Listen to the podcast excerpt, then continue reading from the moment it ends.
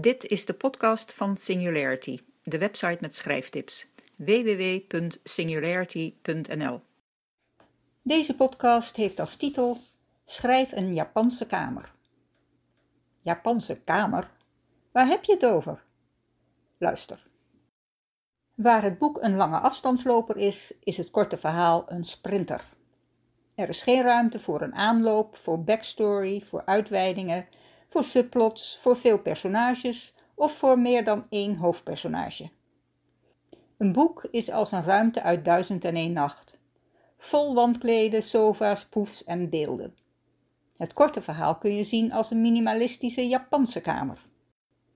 Die Japanse kamer houdt in dat je niet moet proberen een heel universum in je verhaal te stoppen. Hou het bij één setting en vermijd overtollige sfeerbeschrijvingen, dialogen en bijpersonages. Laat van je hoofdpersonage alleen de karaktertrekken zien die van belang zijn voor het verhaal. En vermijd ook te veel emoties van haar. Wel emoties die relevant zijn, geen emoties die losstaan van het verhaal. Als bijvoorbeeld je verhaal draait om de dood van haar ouders, is het relevant dat ze aan die gebeurtenis terugdenkt en verdrietig is. Die korte verhaalsoberheid betekent niet dat een kort verhaal makkelijker is dan een boek. Je moet het lean en mean houden, met weinig woorden je hoofdpersonage schetsen, het probleem en de plot ontvouwen, noodzakelijke informatie geven en een goed einde maken. Verrassend of ontroerend, een einde waarbij je lezer niet denkt en toen? En tegelijkertijd voorkomen dat het iets wordt als Jan ontdekte dat zijn vrouw vreemd ging. Hij pakte een hamer en vermoordde haar. Einde. Probeer ook niet alles uit te leggen en te verklaren, maar beperk je tot wat voor je verhaal nodig is. Dat maakt de leeservaring veel sterker en scheelt overbodige woorden. Weten waar je wel wat meer informatie moet geven en waar niet, kan best lastig zijn.